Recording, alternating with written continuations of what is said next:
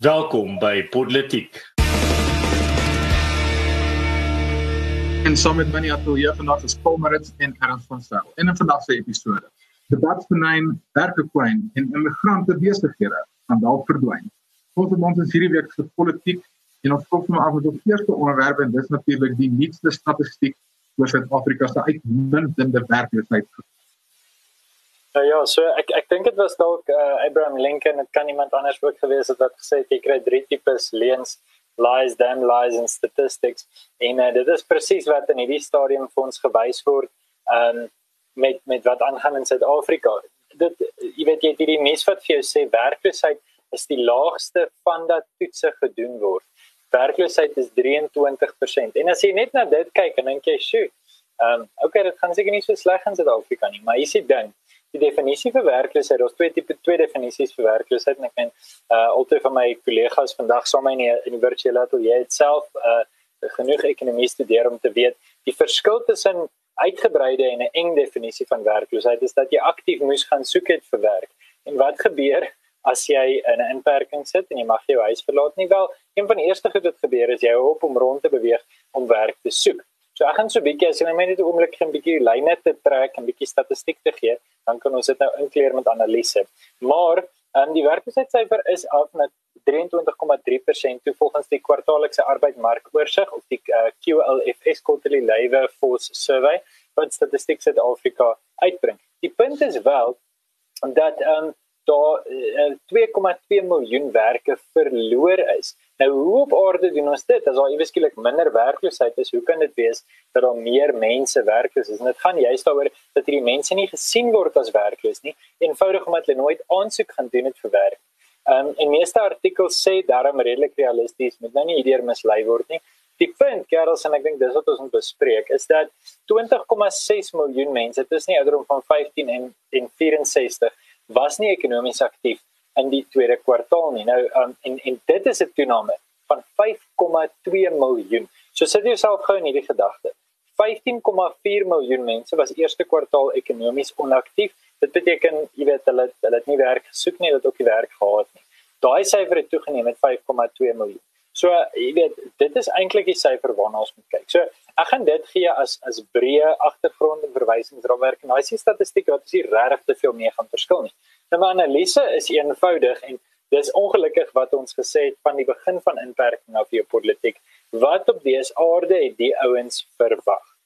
As Suid-Afrikaanse sosiale media kommentators, ek dink veral iemand soos Russell Lamberti, veral ook Piet Leroux, um, ek dink aan iemand soos uh, Jonathan Witt het baie duidelik gesê aan die begin van hierdie inperking, die ekonomiese impak gaan baie erger wees as die finansiële impak. Flipbase van die solidariteit beweging sê dit nog al die tyd.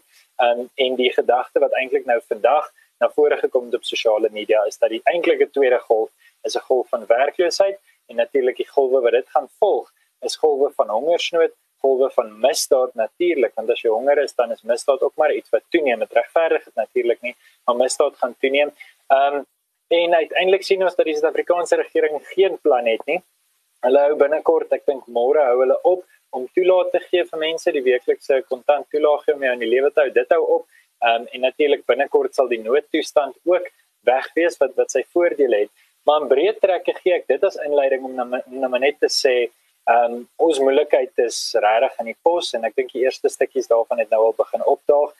Wat werkloosheid betref, gaan dit in Suid-Afrika verskriklik natuurlik by by uh, politiek ons verskil dalk so bietjie op die op die die op die vertikale as van die politieke verdeling maar ek dink op die links-regs spektrum stem almal van ons saam dat ekonomies moes die regering uit die pad uit gekom het en hulle het presies die teenoorgestelde gedoen. Vir my is dit altyd so bizar dat die regering doelbewus hierdie verwronge idee of uitkyk oor die werkloosheidsyfer het. Ek wil sekerlik maar wil dit die punt is dit weerspieël net regtig so perfek hoe die regering hulle rol en funksie in die land ag dit dit gaan nie oor wat werklik dalk 'n verskil in die mense se lewens gaan maak nie. Dit gaan eenvoudig net oor wat lyk goed en wat gaan die vir die regering in mag hou. En in plaas van om te probeer om regtig 'n verskil 'n tasbare noemenswaardige verskil te maak kan hulle maar net en probeer 'n mooier prentjie skets. Dis daai eh, tipiese volstrys 'n gat wat se kop in 'n gat druk benadering of die 'n monkey see no evil, you know evil do no evil ding. Van maak dit jou oë toe en klap jou ore plat en sê la la la la la en hoop dit dit word verbeter dat die, die omstandighede verander. En en ek wil nou van ek jonk is.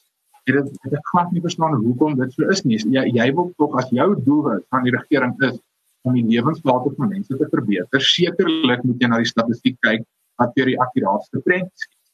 En hierdie hele ding dat ons kyk na werkloosheid dan net mense wat aktief vir werk gesoek het in die afgelope ek weet nie hoeveel maande nie, en ander op op kort kort hoe ons uh, werkloosheid net is net bizar. Dit dis maak net eenvoudig nie sin nie. En ek sit nou daar en dink toe toe ek mens net oor die algemeen dink dat werkloosheid sukkel so verskriklik baie en ek het toevallig verby 'n staatshospitaal, 'n groot staatshospitaal hier in die in die uh, weste van Pretoria gery. Ek dink ek erns moet iemand van 'n staatsamptenaar of leier in die regering sit en besef hoe absoluut onvolhoubaar is dit. Dit kan eenvoudig net nie so aanhou nie, maar ek een of ander rede neem daai gedagte glad nie kos by enige regeringsamptenaar of leier nie en hulle dink hulle kan net eenvoudig so aangaan. So dis dis regtig vir my skrikwekkend dat die regering so daarna kyk en ehm um, dit skrikwekkend aan die een kant maar eintlik nie so verbaasend aan die ander kant. Hmm. Uh nee wat vir my is dit net skokkend as jy om regtig vir 'n perspektief te gee daai 2.2 miljoen werke wat vernietig is uh, is die populasie van Lesotho.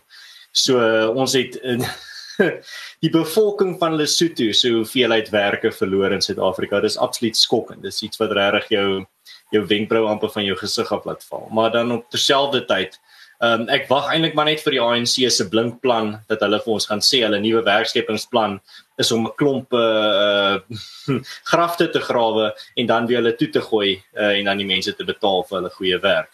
Ehm um, dit is mos maar die uh die tipiese uh wel ANC pad wat ons hierso sien is dat dit gaan nie oor om vir mense betekenisvolle werke te gee of werke wat uh bydra tot die ekonomie nie. Hulle wil net mense besig hou met baie van hulle werkskepingsplanne. So dit ek ek sal regtig nie ek ek grap nou, maar ek sal nie verbaas wees as hulle sê ehm um, die hulle nuwe werkskepingsplan is om 'n groot sloot van Pretoria tot Kaapstad te grawe wat hulle dan weer gaan toegooi as hulle klaar is daarmee.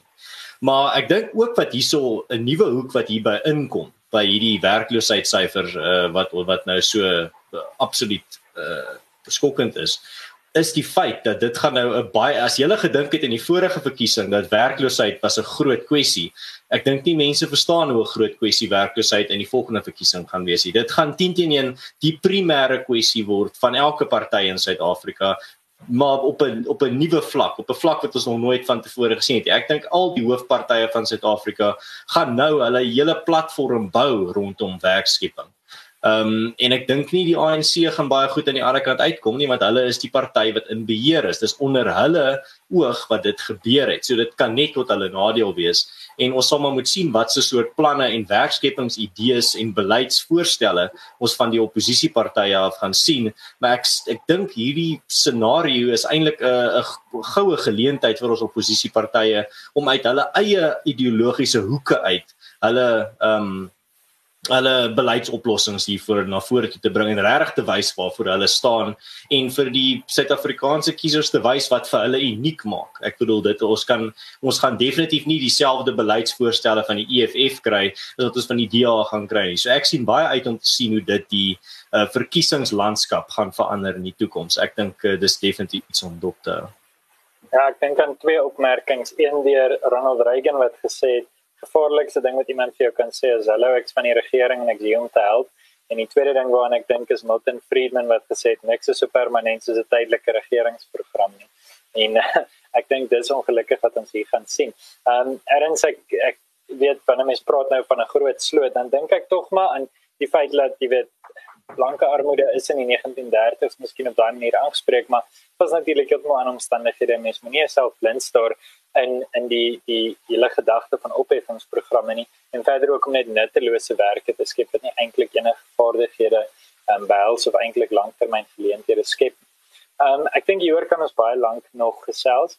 Die eenvoudige punt dink ek wat ons al drie op saamstem is uiteindelik het die regering verskriklik droog gemaak uit geoorreageer en hy het sy eie mandaat gemis. Hulle het vir ons gesê Ehm um, wat was dit miskien die 22ste Maart of so, net so 'n paar dae voor daai eerste harde inperking. Moenie bekommer nie, die doel hiervan is net om kapasiteit te skep. Ons moet in die hospitale die sale regkry, ons moet nooit toerusting kry en ons moet al die geld by die Amerikaners vir ons gegee het blaas op op die baanse dokters. Dis wat hulle ons gesê het, nou nee, maar dis wat hulle bedoel het. Maar uiteindelik sit ons 6 maande later ons kan nog steeds nie sekere dinge gebruik of toegang kry nie. Erns het gaste. En um, dit uh, so uiteindelik is dit 'n is dit 'n massiewe massiewe uitdaging waarmee ons sit. Nou ja, miskien kan ek eh, kan ek op daai punt saamvat en so 'n bietjie na 'n volgende punt kyk. Wanneer ons praat van uitdagings wat die regering het, is een van dit natuurlik uh, onwettige migrasie. Ons weet dat baie van die migrante uit baie moeilike omstandighede aankom. Hulle kom ook maar om 'n soort van 'n uh, South African dream uit te leef wat hulle gesien het op TV daar waar hulle was in in Somalië of Nigerië. Ehm um, maar dit blyk asof die Suid-Afrikaanse regering se geduld met hierdie ouens verminder raak. Uh Daniel uh, wat lyk dinge daar? Ja, dis dis eintlik nogals 'n interessante kwessie en dis iets wat nie regtig in hoofstroom, wel dit word nee, ja, dit word in hoofstroom media uh, gedek en die mense is besig om daar te praat. Ehm um, maar dit is dit is vir my kommerwekkend. Ehm um, ek en ek maar ek weet hierdie is een van die nuus stories maar die in politiek dalk nie ons almal net binne aan dieselfde kant gaan wees oor die nuus storie nie en ek dink ons luisteraars dieselfde en ek dink Suid-Afrika oor dieselfde en en in 'n nette dop wat gebeur is die ehm um, Gautengse provinsiale uh, regering en premier Makuru Makura, ekskuus tog, het uh, nou 'n wet, nuwe wetsontwerp voorgelê aan die provinsiale wetgewer en is nou ook vir openbare deelname wat eintlik eenvoudig net in 'n nette dop die volgende sê dat township ekonomie behoort grootliks en nie noodwendig uitsluitlik nie, maar byna uitsluitlik uh, te funksioneer en te wendel om mense wat burgers is of mense wat permanente inwonerskap uh en erkende inwonerskap in Suid-Afrika het. In ander woorde, mense van die buiteland of mense wie se papiere nie in orde is nie of wat nie 'n permanente inwoner is nie, mag nie in 'n township hulle eie besighede of saakonderneming hê nie. Nou die die interessantheid van vir my daarin is is dit speel so 'n bietjie op hierdie die idee wat en dit is vir my interessant dat dit in Gauteng gebeur want wat ehm um, Herman Mashaba baie op sy veld toe geskwee het en terwyl hy burgemeester van Johannesburg was, was dit die gedagte van buitelanders steel Suid-Afrikaners se werke en is gevaarlik en hulle bedreig ons en dis hoekom die werkloosheid sy verlyk soos wat dit lyk want dis hierdie slegte Zimbabweërs en Malawiërs en Nigeriërs wat in Suid-Afrika is. En en dit gaan eintlik so 'n bietjie daar dit haak so 'n bietjie daaraan. Ek dink dit is bietjie van 'n populistiese uh, besluit. Ek dink is uh, die ANC wat probeer om van Mashaba se uh, kiesers of ondersteuners terug te kry. En ek ek is persoonlik bekommerd daaroor. Ek ek hou nie van wanneer 'n regering so van die bokant af kan sê wie mag besighede bestuur en bedryf en besit nie. Ehm um, ek ek die die oomblik wat jy sê maar buitelanders mag seker goed nie doen nie, dan is die volgende stap net wel hoe klassifiseer die regering ehm uh, buitelanders. Met ander woorde, wie is buitelanders? Die volgende wat ons hoor is ons buiteland. Ek bedoel die retoriek is reeds daar dat uh wit Suid-Afrikaners is eintlik Europeërs en ons moet terug gaan Europa toe. So mense is net een of twee spronge weg van 'n uh, situasie waar hulle dalk kan sê maar wit Suid-Afrikaners is buitelanders en mag dis nie ondernemings in Suid-Afrika bestuur of so. So ehm um, ek ek dink hier is waar mense verder moet kyk as net die onmiddellike beleidsvoorstel. Ons gaan kyk na wat se rede hoekom die regering besig is om voor te stel wat hulle voorstel en vir ons my is dit kommerwekkend. So Daniel, ek dink daar's daar's 'n spanning tussen twee idees. Ehm um, en dis dis baie duidelik wat hierdie twee idees is. Nou, aan die een kant is daar dit wat jy na verwys die gedagte dat uiteindelik met die beste besigheidsman met die handel dryf. As hy besigheidsman wettig daar is en hy het 'n geleentheid gesien en hy kan kom ons dink aan 'n tipiese spaza shop. Hy kan doeke en blikkies kos en tandepasta en wat ook al kan hy goedkoper verkoop want hy dalk 'n koneksie jy weet of hoe dit ook al werk maar dis dis wettig of dis dis wettig genoeg. Ehm um, en hy is besig om vir almal daar meer geld in hulle sak te veroorsaak want sy pryse is laag en dit is uiteindelik goed in ons ekonomiese vryheid. Nou as ek nou, nou gesê het van hierdie tipiese spektrum wat 'n mens kry, ek dink op die regs-links gedagte ekonomies stem ek 100% met jou saam want uiteindelik hoe, hoe minder regering daar aan daai opsig is, ek dink dit ek dink is goed. Ek dink die die uitdaging kom in na die ander kant, die gedagte van 'n soort van 'n libertariese teenoor 'n authoritarian gedagte en ek is natuurlik nie op 'n punt dat ek 'n sterk baie sterk gesagstruktuur regering daar wil hê nie maar ek dink uit my eie klassiek konservatiewe wêreldbeskouing wat ek nou maar stelselmatig ontwikkel en ek dink jy weet elke paar maande jy weet vind ek myself soos ek boeke lees en ek vind myself na mens verdiep in jou denke. En die punt vir my is tog na mate van dit wat ek lees en so en ek het um, vandag op ons politiek WhatsApp groepie en vir jou as kyker en luisteraar gaan kyk gerus op op YouTube. Ben Shapiro het gepraat met Yoram Hazony.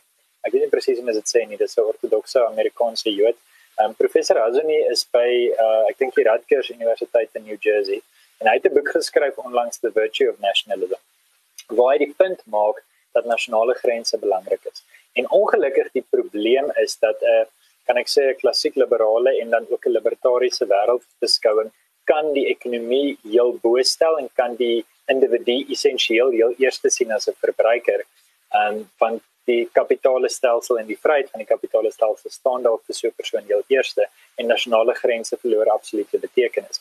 Die probleem wat ons in Suid-Afrika mee sit is dat ons eie mense werkloos is en baie van my eie vriende en kollegas sal sê ja, maar dis maar Suid-Afrikaners lei is of hulle is entitled dit is natuurlik beter Afrikaanse woorde maar ek dink niks sê so duidelik nie so verskoon my maar um Suid-Afrikaners is entitled wat ook al die rede is baie van my vriende wat boer maak gebruik van internasionale arbeid. Um en jy weet uiteindelik is daar 'n gedagte dat Suid-Afrikaners en mense wat jy weet kom ons maak dit prakties en ons sit kos staan dit. En uh, Donald wat jy sê maak van 100% sin. Ek wil nie met jou strei nie. Ek wil net sê ek dink ons aan 'n ander kant van dit. En ek ek dink byvoorbeeld dat Suid-Afrikaners wie se ouers deur apartheid moes sit en wat jy weet daardeur benadeel is ekonomies. Hulle het 'n sekere hulle gaan stem in 94 en in ruil daarvoor het hulle miskien 'n sekere voordeel. Hulle moet sekere goed weerstaan wat iemand wat 6 maande terug in Suid-Afrika ingekom het nie noodwendig moes nie. En wat is die koste van dit? Word daai koste bereken? Nou ek is besig om om trend direk aantal. Ek dink die punt vir my is maar net die oomblik wat Suid-Afrika nie sy eie grense ernstig vat nie. Ehm um, dan moet jy vir jouself gaan vra wat is die punt en dan dan staar ons ook ernstige moeilikheid in gesig. Hmm. Ek hoor wat jy sê, ek hou nie van 'n narratief, maar 'n Somali is minder van 'n mens.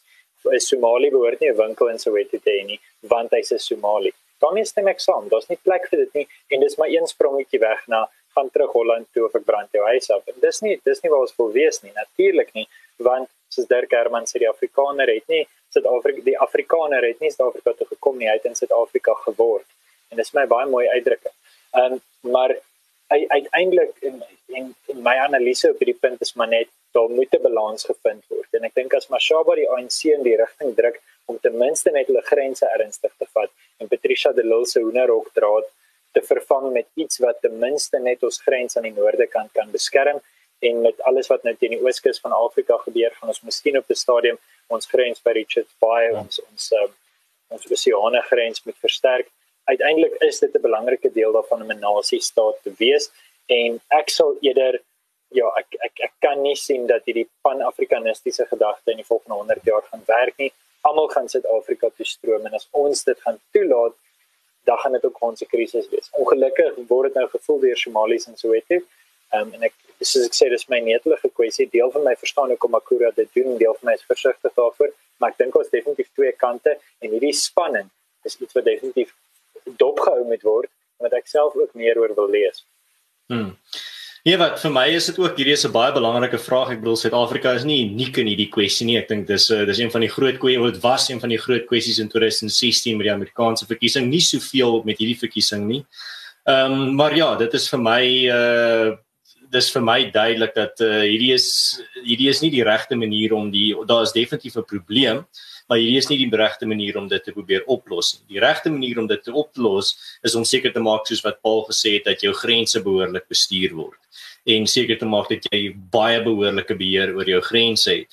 Die deur buitelanders in jou land se besighede te teiken is nie die manier hoe jy die probleem oplos nie. Maar tog, terselfdertyd, ek sien hierso in die kommentare, ehm um, Jan Louis sê enige plek waar die regering inmeng, uh lei laat gevaarklokkies lei.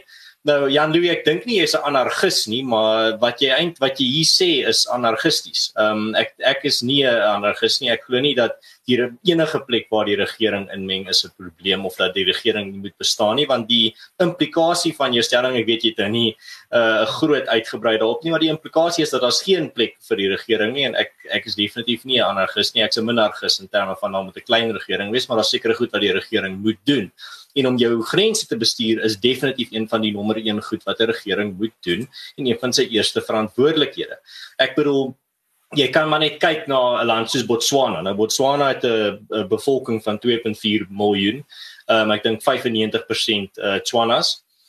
as jy in daai land uh 5 miljoen Zulu sou invoer of die grense oopmaak en 8 miljoen Nigeriërs uh, daar laat ingaan, gaan dit die land se demokrasie, demografie en kulturele identiteit vir altyd verander en eintlik die die uh samelewing wat daar tans is uh so verander dat jy weet nie wat volgende gaan kom nie. Dit gaan 'n klomp uh goedkoop arbeid wees, maar jy weet nie of dit dalk daai land kan vernietig nie. Mis dalk is die fondasie van daai land hulle kulturele uh identiteit en die feit dat hulle so kan saamstem. Maar en maar dis maar net 'n uh, hipotetiese manier om daarna te kyk.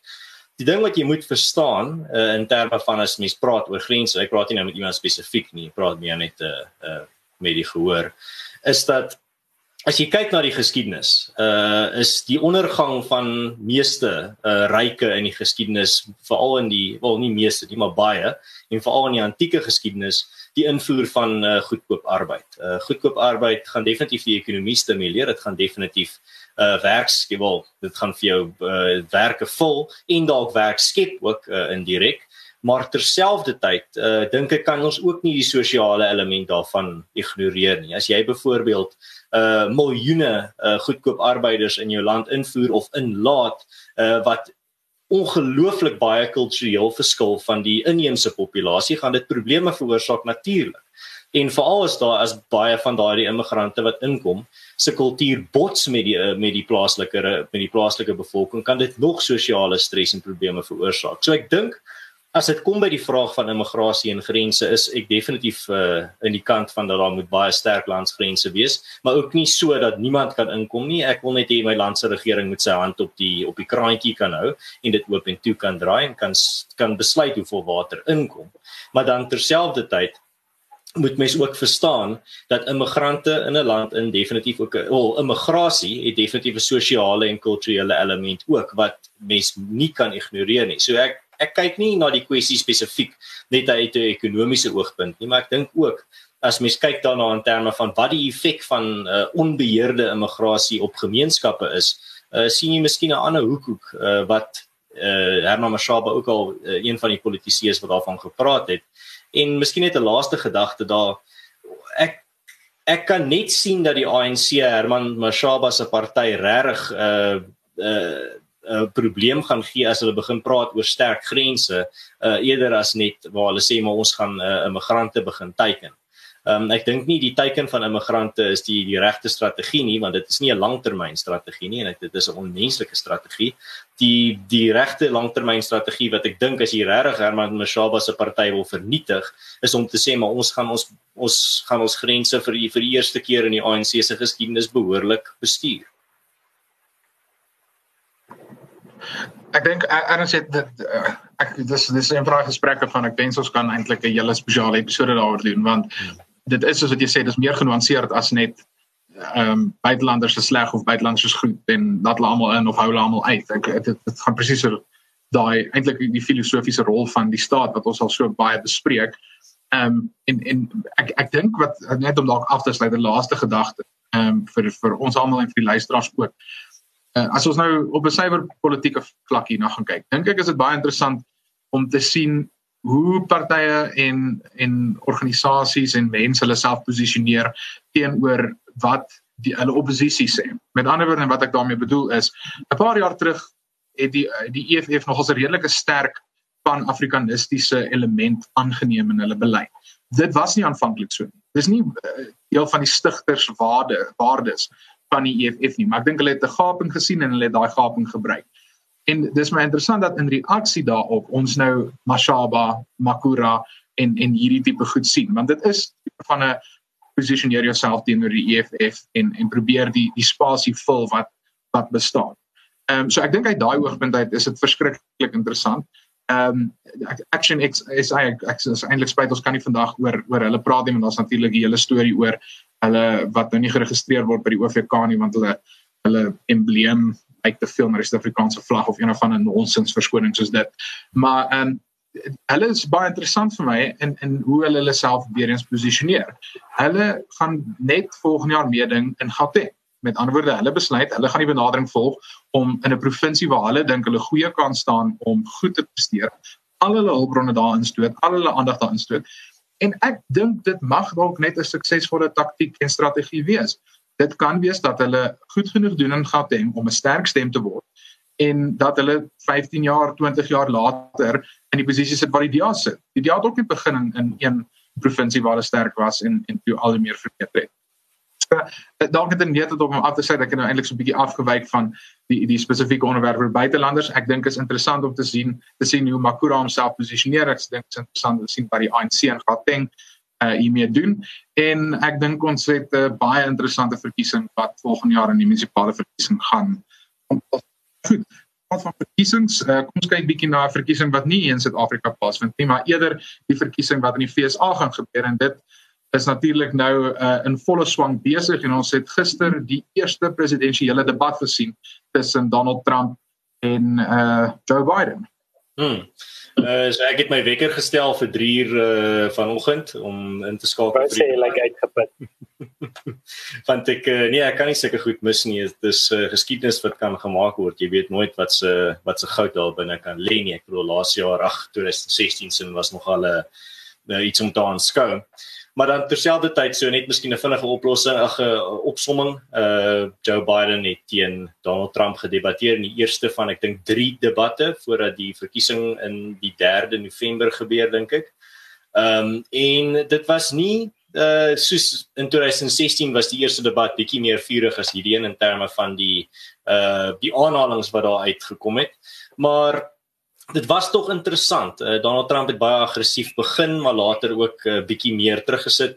Uh Biden uh, het 'n groot punt gekry vir die feit dat hy nie 'n katastrofiese uh, fout gemaak het nie. Dat hy eintlik maar net homself uh normaal gepraat. Hy net normaal gepraat het was sy grootste voordeel want ek dink die verwagtinge vir hom was so laag. Ehm um, so eintlik dit is nie maar op die ou end van die dag het dit maar gelyk asof Donald Trump die die net die oorhand so bietjie gekry het want hy het eintlik die vrae geantwoord wat vir hom gestel is terwyl ek nie regtig kan onthou dat Biden veel van sy vrae direk geantwoord het nie maar eerder na ander onderwerpe toe beweeg het. Ehm um, van die algemene klagtes wat ek ook gesien het op sosiale media was dat die voorsitter uh nie uh onpartydig was nie en dat hy vir Donald Trump bietjie meer geteken het. Ehm um, ek kan nie veel daarvan sê ek het geen idee wie hy was nie. So ek weet nie wat sy geskiedenis is nie. Ek weet nie ehm um, ek kan nie regtig sê nie, so ek gaan nie spekuleer daaroor nie. Dit het wel so gelyk, maar ek ken nie die man goed genoeg nie. Vir my ook uh, die groot ding van die van die debat was ek dink op die ou en tot al, al volgens my het Donald Trump miskien net net gewen is dit nie gaan ek dink ek nie het enigiets van die twee kandidaate regtig gisterand enige stemme verloor of bygekry nie. Ek dink dit was maar net 'n baie uh vinnig hulle twintjie in die swembad uh druk en weer uh, uitklim van 'n debat, nie regtig 'n vurige een nie, maar dis gewoonlik hoe die eerste debat gaan. Ehm um, die tweede debat is gewoonlik baie meer uh riskant, baie meer uh waag baie meer waaghalsig en baie meer uh interessant en opwindend. So ek sien baie uit daarna en ek gaan definitief weer my wekker vir 3 uur stel by die volgende een. Ehm um, maar ja, ons sal sien. Ek dink dit is vir my dis baie interessant om te sien hoe die Amerikaanse politiek werk in terme van aan die begin van die debat is dit regtig hulle bou op asof dit 'n boksgeveg is. Dit is nie jou ouma se debat nie. Hierdie is jou Amerikaanse oom se debat. Uh daar's foto's van Donald Trump en Biden wat so op mekaar staar as die UFC geveg is. Um daar speel sulke um rowwe stoei musiek. Um dis regtig iets om te aanskou en nie regtig iets wat my styl is nie. Is nie iets wat ek ek geniet dit vir die vir die spektakel, maar terselfdertyd dis nie iets wat regtig my iets wat ek ongelooflik baie geniet vir die vir die die kuns daarvan nie. Dis maar net dit is soos om bietjie uh soos wat ek gesê het om om 'n 'n aksiefliek te kyk. Dit is dieselfde soort genot wat ek daai kry. Uh is maar net so vinnig iets wat jy saam met die popcorn eet. Maar my laaste gedagte daar sal wees dat ek dink nie ehm um, die debat het vir my net gewys die die absolute chaos wat daar ontaard het van beide kandidate af. Ehm um, ek bedoel binne die eerste 5 minute het Joe Biden vir Donald Trump gesê hy moet shut up in uh in vir 'n nar genoem uh, en en Donald Trump het ook 'n hele paar uh uh goed in Joe Biden se rigting gesê. Maar ek dink op die ou end ek dink die ding wat ek weggeneem het van die debat af is dat wie ook al hierdie verkiesing wen uh, is definitief die kandidaat wie die Amerikaners verdien. Ehm um, ja, ek dink daai daai opmerking wat jy maak van wie ook al die verkiesing wen is die kandidaat wat hulle verdien. Ek ek hou van daai opmerking. Ek het Simon Sinek het 'n soort gelyke ding gesê in 2015 voor die verkiesing wat my baie interessant was. En ek ek wil wel 'n interessante bietjie historiese oorsig neem. Nou, ehm um, in 1960, ek dink dit was 1960, het ehm um, het Nixon eintlik redelik ver voorgeloop. Onthou, dit was 'n tyd toe die demokrate nog die party van die mense was en uh in die suide gedomeineer het. Hulle het verwys na die um, die die stable south is vir die demokrate dit genoem. Daar was so ses of sewe partye wat hulle altyd gevat het in die suide wat deesdae natuurlik heeltemal um, republikeins is. Die punt is net dat uh, voor die eerste debat het Nixon ver voorgeloop en toe Kennedy net hy kalm gebly, hy het twee antwoorde gegee, hy het geglimlag en dit het 'n massiewe impak gehad. En elke 4 jaar voor hierdie hierdie presidentsiële debatte praat almal van hierdie voorbeeld. Hulle sê jy weet Biden kan soos Kennedy wees, almal hou van jy weet of Trump het nou net hierdie groot oorwinning gehad met Bahrain en Kuwait en Israel en hy's eintlik jy weet mense begin bietjie vrede maak met die feit dat hy nie so erg is nie en so en so. Maar ek, ek dink 'n belangrike vraag en dit word in die kommentaarafdeling ook gevra is hoeveel hoeveel verskil maak hierdie debat nou eintlik? Ek dink dit is 'n belangrike vraag om. Ehm um, wat die wat die inhoud van die debat self betref, hulle het voor die tyd gesê hulle gaan na 6 punte kyk en hulle het nie regtig by enige daarvan uitgekom nie. Dis twee mans oor die ouderdom van 70 wat mekaar geskree het soos 13-jarige dogtertjies en ek ek dink eerlikwaar as 'n westerse kultuur moet ons verskriklik bekommerd wees. Ehm um, ek ek het dit nou al 'n paar keer gesê en ek, ek kyk graag na video's van iemand soos die oorlede um, Roger Scruton wat gesê het um Sir Roger Scruton het wat gesê dat ja, jy kan op etiese vlak jou beoordeel en jy gaan altyd tekortkominge kry en so voort. En jy moet uiteindelik kyk na beleid en jy moet kyk na wie gaan uiteindelik jou idee van hoe die wêreld behoort te funksioneer uitbou. En in daai opsig dink ek dat die demokrate op 'n gevaarlike pad is en dan moet ek nou maar jy weet soos Herman in 'n vorige episode gesê het, mees toe druk en aan Trump se kant wees.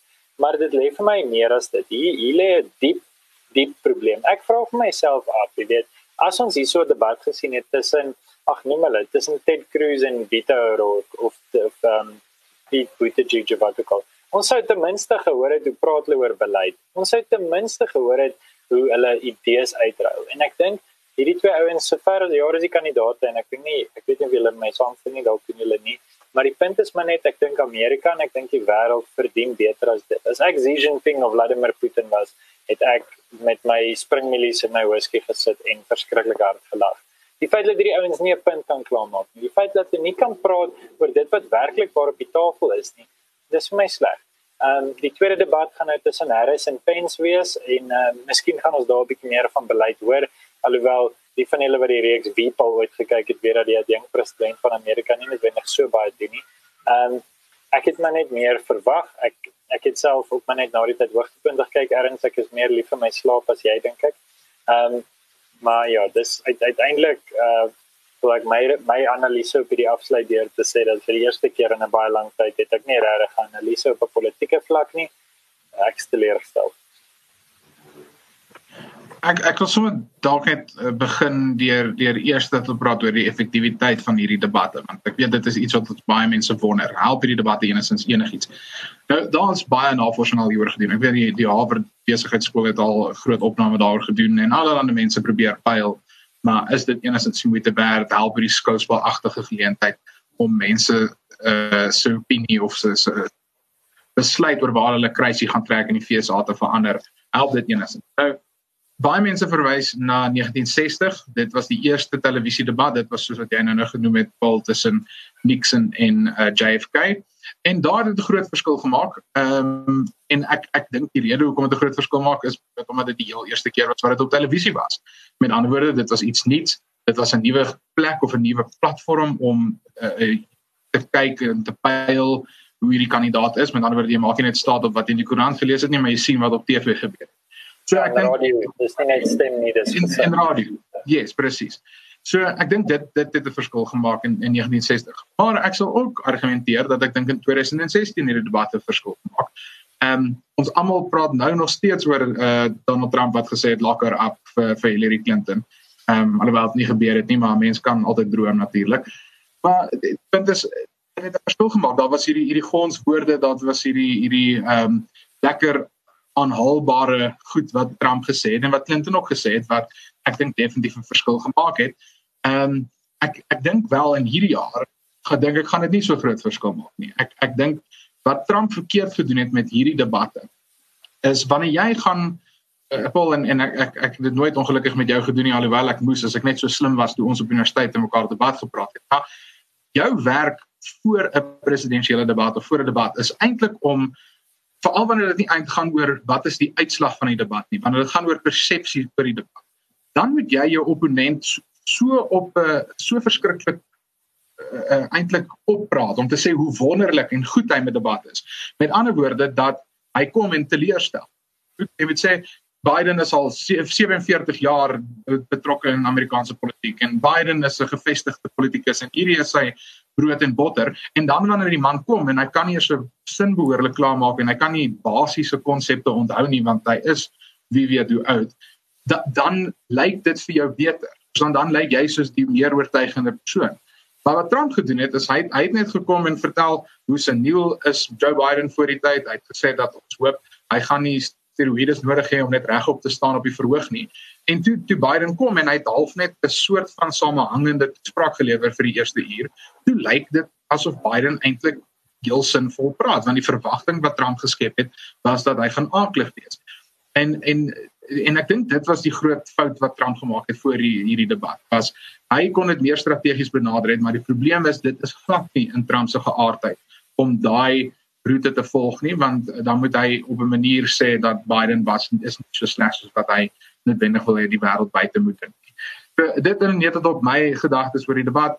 Ehm um, ek ek kyk nooit hierdie debatte regstreeks nie. Ek word nie wakker vir dit nie. Ek bly altyd wakker vir die verkiesings se uitslae self want dit is my aansienlik meer interessant as om hierdie debatte self te kyk. Maar ek kyk dit gewoonlik die dag daarna en dan sit ek dit op YouTube aan en dan sorg ek dat ek die hele debat werk en ek kan vir julle definitief sê ek het hierdie jaar teer 'n groot gedeelte maar net gevals voort want dit was nie vir my so aanskoulik soos wat ek gehoop het dit sal.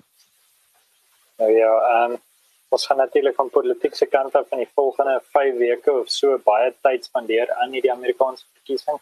Dis welkom in te skakel. Ons is ook van plan om so 'n bietjie ehm um, te kyk hoe gaan ons maak met uh, die aand van die verkiesing self. Ons mag dalk so 'n bietjie vir jou 'n spesifieke spesiaal vir daai aand hê dit is egter vir nou al wat ons wat ons het in terme van hierdie week en uh, soos jou kans om werk te kry in Suid-Afrika is hierdie episode ook vir eers verby. Ons nou nou jou as luisteraar uit homself te ontnonsens vertel ons net kommentaar afdeling op watter ook op platform jy gebruik. Ehm um, hoe ons beter kan raak raak en waar jy vrae gesels. En maak gerus kontak met ons as jy uh, wil bemark op ons episode of as jy net bietjie met ons wil gesels. Um, ondersteun ons gerus by Nia Coffee of op Patreon as jy wil wat ons doen en jy is natuurlik welkom om ons uh, resensie te los op watter platform jy gebruik.